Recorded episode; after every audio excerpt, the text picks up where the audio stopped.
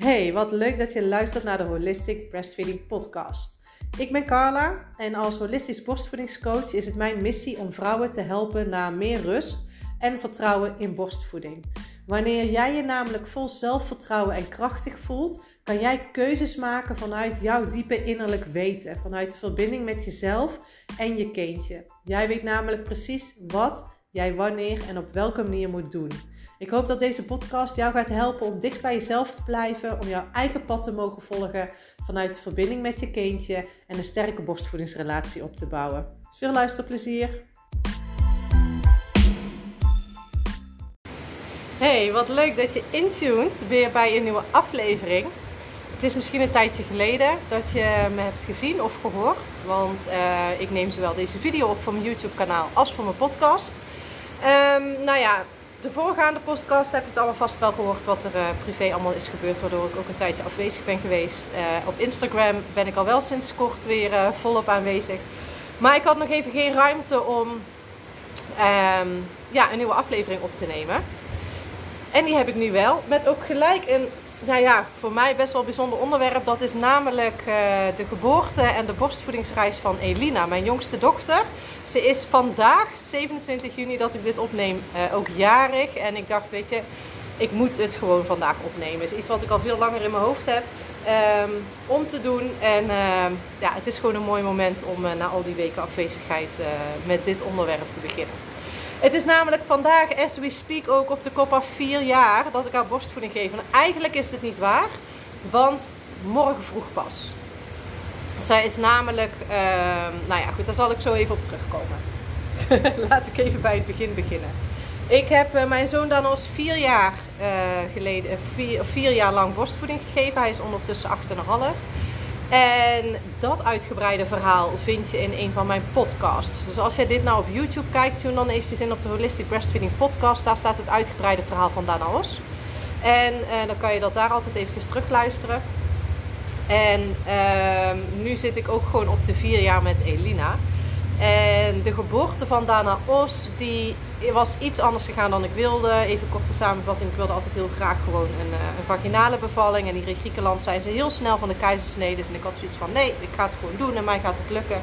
En achteraf was dat dus nou ja, uiteindelijk ook uitgelopen op een keizersnede. Want ik heb de ventilator aanstaan en alle, alles waait weg. Um, daar zat een enorme teleurstelling onder, maar vooral de ervaring van de keizersnede was voor mij best wel heftig, waardoor ik er heel erg tegen opzag om uh, bij Elina ook weer een keizersnede te ondergaan. En door verschillende redenen heb ik gekozen om uh, ja, dat eigenlijk bij Elina weer te gaan doen. Want, nou ja, de kans dat er iets gebeurt tijdens een uh, vaginale bevalling na een keizersnede, VBAC, een vaginal birth after cesarean, is eigenlijk heel klein.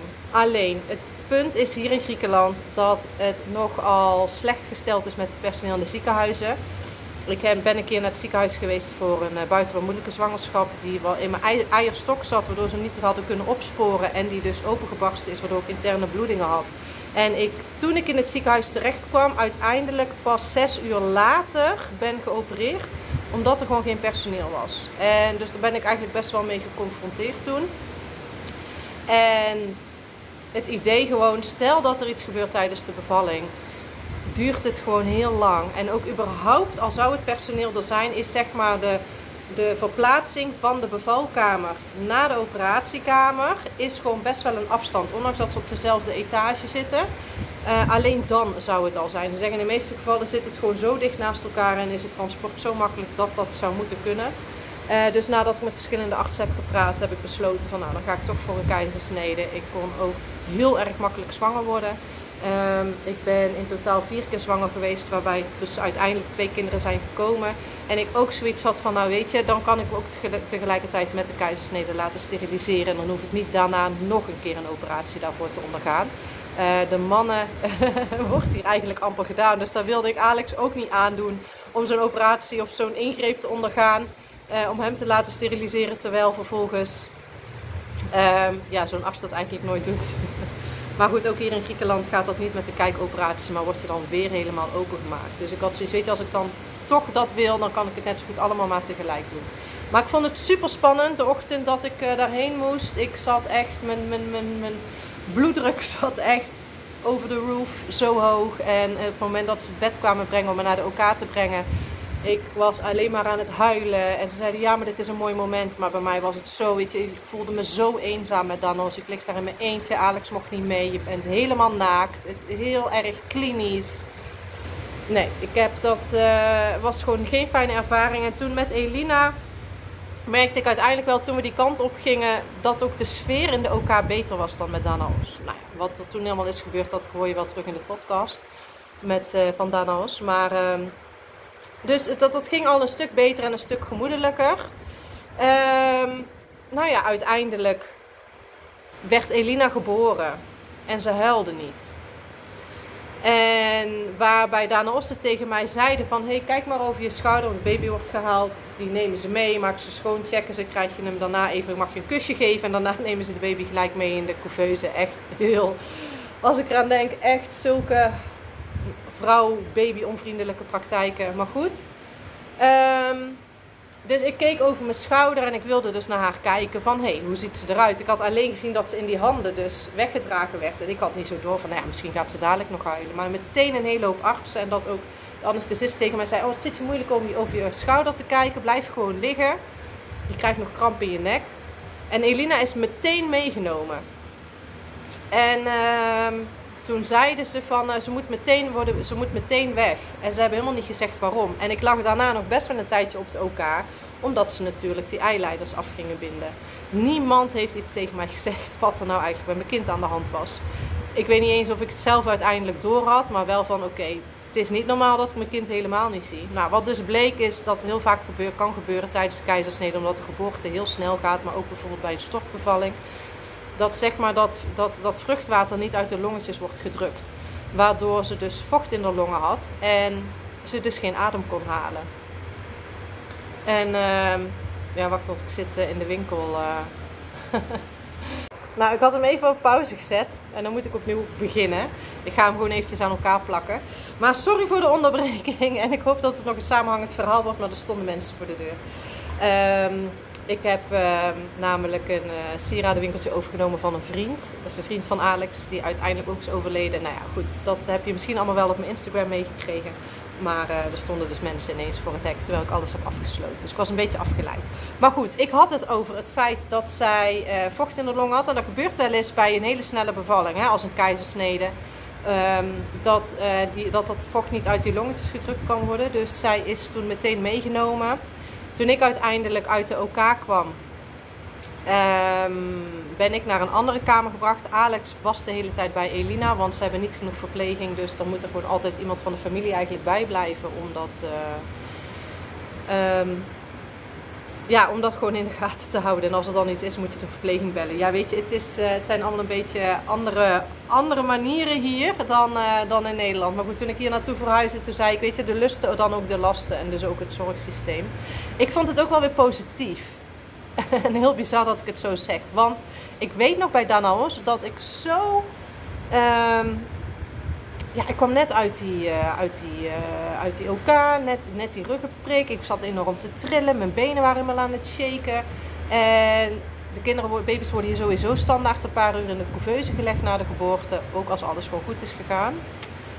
Maar toen kwam hij dus vrij snel en ik was nog helemaal aan het herstellen, nog hartstikke mooi in die borstvoeding. Ik vond dat best wel, best wel heftig. Dus ik had ook zoiets van, nou ja, fijn, dan kan ik tenminste een beetje bijkomen, een beetje bijslapen. Het verhaal was wel, stel nou dat zij het niet helemaal zelf uh, kan opschonen, dan zou ze naar het vasteland moeten. En daarbij had ik wel even zo'n momentje van, oké, maar no matter what, dan ga ik gewoon meteen mee. Ik wist dat ik borstvoeding wilde geven. Ik was ook van het begin af aan overtuigd dat me dat ging lukken. Want dat was bij Dana al vier jaar lang gelukt. Dus waarom zou het me nu niet lukken? En ik heb ook geen seconde gedacht van dan moet ik nu gaan kolven. Daar ben ik helemaal niet mee bezig geweest. Niemand die het ook tegen mij heeft gezegd.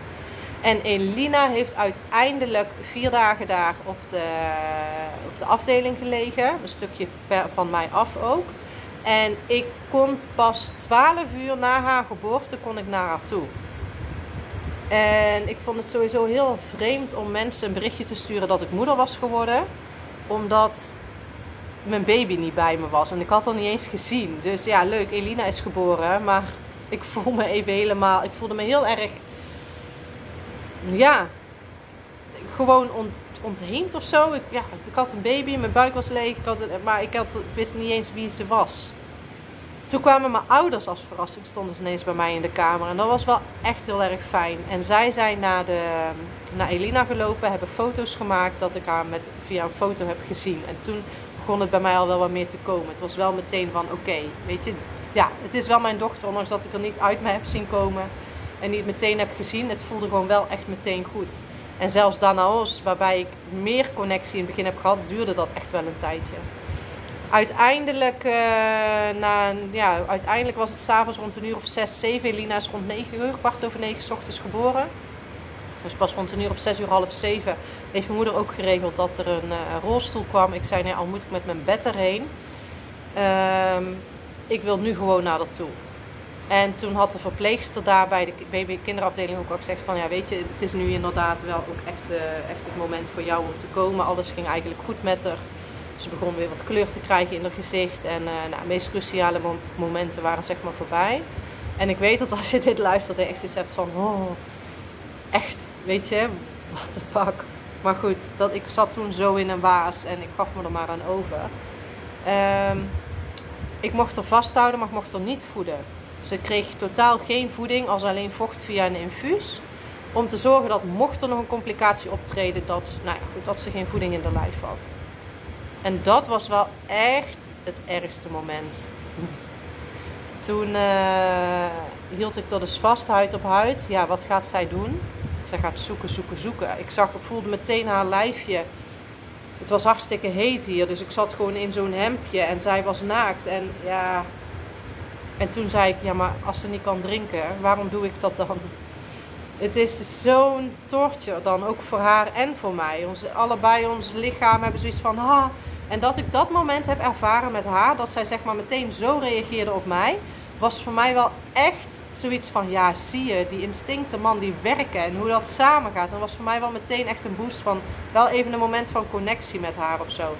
Maar het voelde heel erg, heel erg rot om haar daarna weer terug te geven. En toen zei ik van ja, dan ga ik ook maar, want ja, dan wil ik hier eigenlijk ook niet zijn totdat ik haar morgen vroeg kan voeden. En toen heeft Alex echt een horrornacht gehad. Hij heeft uh, naast haar gezeten en uh, alleen maar over de rugje geaaid, uh, zijn pink gegeven om op te sabbelen. Zij had natuurlijk zoiets van ik heb even mijn moeder geroken en waar is ze nu? Dus die was helemaal overstuur. Alex de hele nacht niet geslapen. En als ik dit zo zeg, denk ik, oh, Echt jongen. Waarom dat protocol ook? Echt. Ik vond het op zich wel weer fijn, want de eerste nacht waarbij je meteen meestal slapeloze nacht hebt, heb ik gewoon wel goed kunnen slapen. Dus ik was ook echt wel vrij snel weer hersteld en ik voelde me weer krachtig. En probeerde, ik zag wel de positieve kanten van. Ik denk, ja, ik kan tenminste wel even bijkomen. En toen de volgende ochtend ben ik naar haar toe gegaan. Toen mocht ze eindelijk drinken. En toen deed ze niks. Toen lag ze maar een beetje voor mijn tepel een beetje te likken en dan viel ze weer in slaap. Ja, uiteindelijk is ze natuurlijk, heeft zij de power boost. En dan gaan ze hier het gras maaien. Nou, wacht. Doe even hier een beetje het raam dicht. Voor de herrie. Dan wordt het hier ondertussen alleen maar warmer binnen. um, dus toen lag ze alleen maar te sabbelen. En toen dacht ik, oeh, waar is dat nou net als met Danos die echt die flinke hap nou, een tijdje later, ik moest dus iedere keer op en neer in de rolstoel van mijn kamer naar, uh, naar haar. En dat was echt wel uh, een behoorlijk ritje. Met de rolstoel met de lekband. uh, en zo dus ook gewoon iedere nacht. Ik, ik, ik, zorgde er gewoon voor dat ik iedere twee, drie uur bij haar was. Nou, overdag dus steeds heen en weer. S'nachts, op een gegeven moment was het zo, want ik was s'nachts eigenlijk alleen. Normaal is, ben jij met je baby in de kamer en is er een vader bij of een familielid om voor je te zorgen. Ik lag alleen, Alex was bij Elina. Uh, Danas was met zijn zus Zoe, die uit Zweden, die, is, uh, die, was tegen, die was toen 18. Dus die waren samen thuis. Uh, dus dat ging in ieder geval allemaal goed. En toen ehm, ben ik ook s'nachts dus naar haar toe gegaan. Maar wat toen het allermooiste was, en dat vind ik nog steeds zo bijzonder, is dat Alex dan mij zou bellen op het moment dat zij onrustig werd. Maar iedere keer als hij mij belde, was ik al onderweg. Was ik al bezig met het uit bed stappen of liep ik al achter mijn rolstoel aan die kant op. En als ik terugdenk, die ziekenhuisbedden waren iedere keer net te hoog. Dus dan moet ik met mijn keizersnee-litteken dat bed uit. Nou, überhaupt al rechtop staan. Dus ik moest me iedere keer uitstrekken. Dus ik had, oh, en die pijn iedere keer. Maar ja, dat doe je dan maar. Maar ik vond het zo mooi dat ik gewoon zelf al wakker werd. Zonder een wekker te zetten. Want hij zou mij bellen. En al onderweg was. En dan belde die weer en zei ik, ja, ik ben al onderweg. Ik wist gewoon dat zij, ondanks dat we zo'n afstand hadden. En dat is denk ik voor mij ook allemaal, al die gebeurtenissen, de aanzet geweest dat ik uiteindelijk nu doe wat ik doe. Omdat ik dat zelf zo sterk heb ervaren. En ik heb dat nooit zo echt benoemd. Vervolgens uh, hebben we zo een dag of vier doorgemaakt. Ze is geloof ik op een woensdag geboren. Op zaterdag of zo, uh, woensdag, donderdag, vrijdag. Ja, zaterdagochtend is ze naar de kamer gekomen. We hadden geregeld dat ik een privékamer had. En uh, toen zijn we bij elkaar geweest en dan zouden we zondag zouden we naar huis mogen. Nog steeds al die tijd heeft Elina niet echt gedronken. Alleen maar een beetje gelikt, een beetje gesabbeld, maar geen echte hap. Ze werd op een gegeven moment ook uh, toen ze bij ons op de kamer kwam op die zaterdag, werd ze heel onrustig. Is ze heel veel gaan huilen. Dat ik zei van nou, ik hoop dat ze nou zoveel gehuild heeft. Daarna ze huilde, was heel stil in het begin en die huilde de maanden daarna. Uh, toen zei ik nou, ze helpt nu vast alles eruit. En dan uh, als ze thuis is, dan hebben we het rustig hopelijk. Want ik was natuurlijk ook bang dat ik weer een kindje zou hebben die weer nachtenlang zou huilen. Vervolgens ehm, dus kwamen ze toen meten en toen zeiden ze, ja, ze zit op de 10% afvallen. Maar ja, ze heeft natuurlijk de eerste dag niks gehad. En ze zeiden, zeiden van, nou, als het morgen nog zo is, dan moeten we wel even kijken. En toen had ik iets van, ja, maar het gaat gewoon niet gebeuren. En nog steeds had ik niet gekolfd. Nog steeds had ik niet met mijn hand mijn borst gestimuleerd. Ik weet niet. Ik zat niet in die controledrang of zo. Ik had niet zoiets van, oh, dan moet ik dus nu dit, moet ik dus nu dat in het ziekenhuis dat is dan weer het voordeel dat de verpleging alleen komt om je medicijnen te geven. Zaten ze me ook niet te pushen. Ehm, en uiteindelijk weet ik nog dat ze heel erg aan het huilen was. Liepen over de gang en toen zei die verpleegster van... Uh, ja, maar ze heeft gewoon honger. Ik ja, maar ja, ze drinkt toch bij mij? ze, ze, krijgt toch, kreeg misschien wel iets binnen. En toen kreeg ik ook die dag heel erg stuwing. Werd het natuurlijk nog lastiger. En toen was het volgens mij die avond dat Alex even naar huis ging om te douchen. Toen zat een vriendin bij me. En ik was even met Alex aan het bellen, want hij, hij moest iets voor me meenemen en uh, hij moest even weten wat.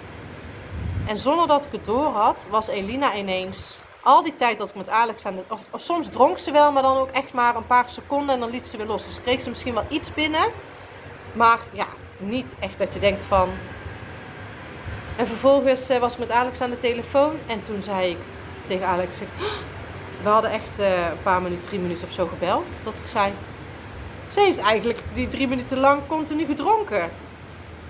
En toen is die klik gegaan. Toen had ze het ineens door. En ik kan me dan natuurlijk voorstellen, als jij 24 uur lang geboren bent en je totaal die zuigreflex niet op gang is gekomen, hoe ga je dan dan moet je dat natuurlijk, en natuurlijk hartstikke suf. En dat lichaampje wat zo hard had gewerkt. En natuurlijk de antibiotica die ze heeft gekregen. Het heeft zo'n, meteen zo'n klap gekregen. Daar zij er echt wel van heeft moeten herstellen. En de volgende dag was het eigenlijk gewoon oké. was ze niet nog meer afgevallen. En ik heb, ben daar volgens mij, naar mijn idee, ook nog steeds nooit echt over in paniek geweest. En ik denk uiteindelijk dat die rust er gewoon voor heeft gezorgd dat het uiteindelijk, want ik wist ook van tevoren 100% zeker dat het me weer ging lukken. Want ik had het vier jaar gedaan. Dus hoezo zou het me nu niet lukken? En daarom vind ik het ook zo, merk ik nu ook bij mijn coaching, zo belangrijk dat je die mindset vooraf goed hebt. Want het zorgt er gewoon voor dat je op het moment dat je erin zit, dat je gewoon de, de allereerste focus gewoon goed is en vol vertrouwen is. En toen zouden we op zondag naar huis mogen. Toen hebben ze mijn bloed geprikt. Ik had een super hoge bloeddruk sinds dat Elina was geboren. Daarvoor eigenlijk dan de ene moment voordat ik elkaar in ging. Maar voor de rest was die eigenlijk hartstikke goed.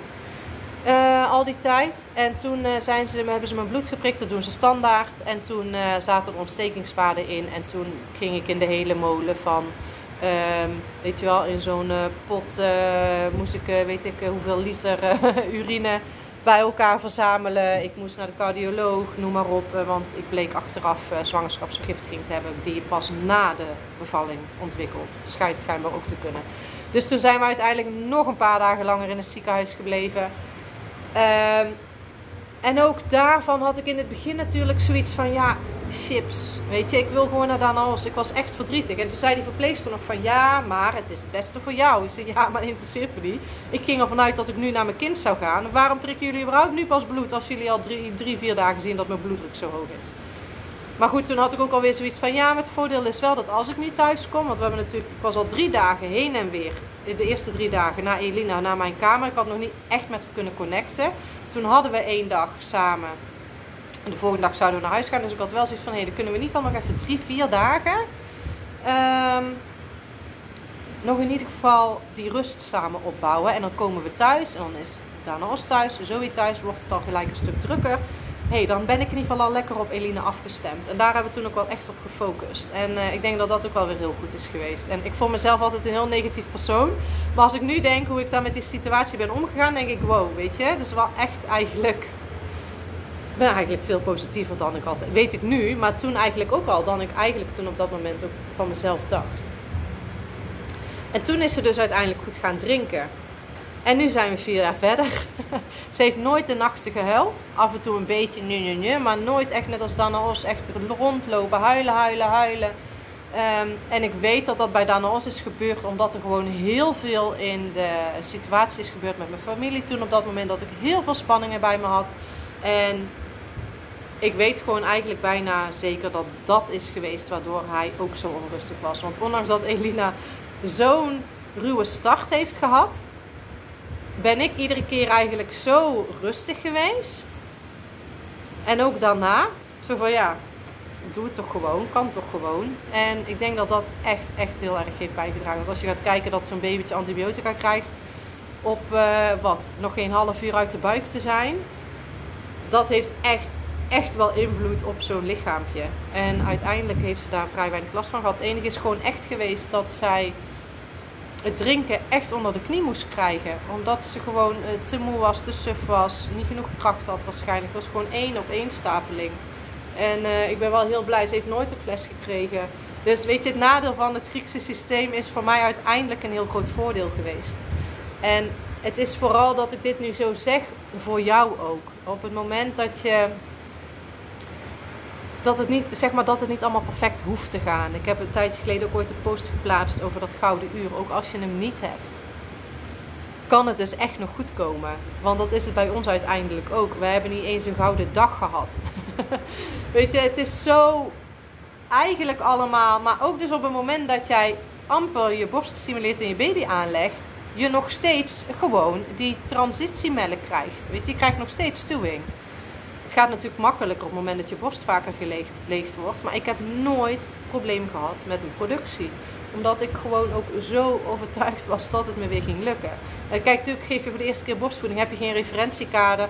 Of als het je de eerste keer niet is gelukt, is die stap misschien nog groter. Omdat je een, een negatieve ervaring hebt waaraan je refereert. En natuurlijk al die onzekerheden. Hè, wat ik heel erg had met mijn keizersnede. Die angsten die ik vandaan als de eerste keer had. Die nam ik de tweede keer dat ik erin ging mee.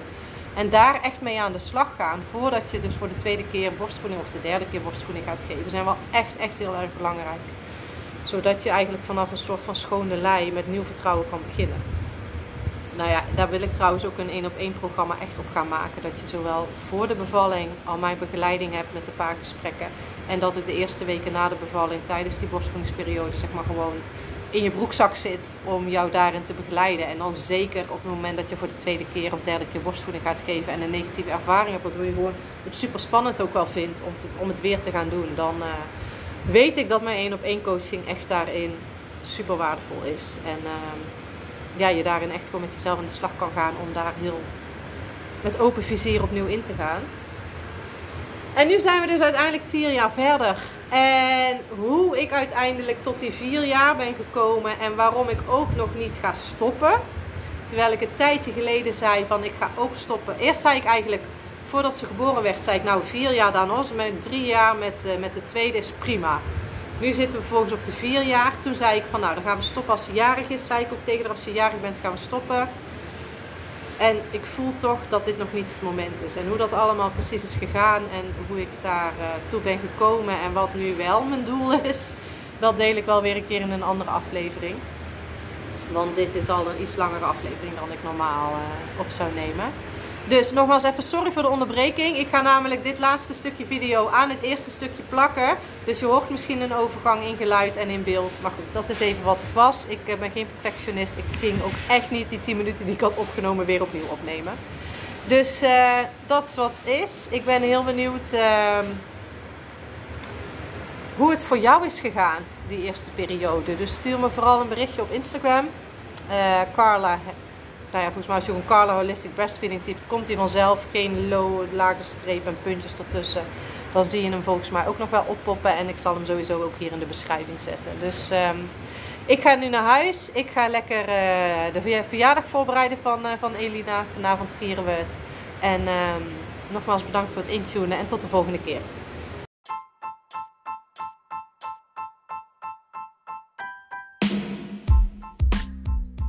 Nou, wat leuk dat je hebt geluisterd naar deze aflevering. Ik hoop dat het je heeft geïnspireerd om weer lekker dicht bij jezelf te blijven, om je eigen pad te mogen volgen. Misschien heeft het je een stapje dichter bij je eigen gevoel weer gebracht.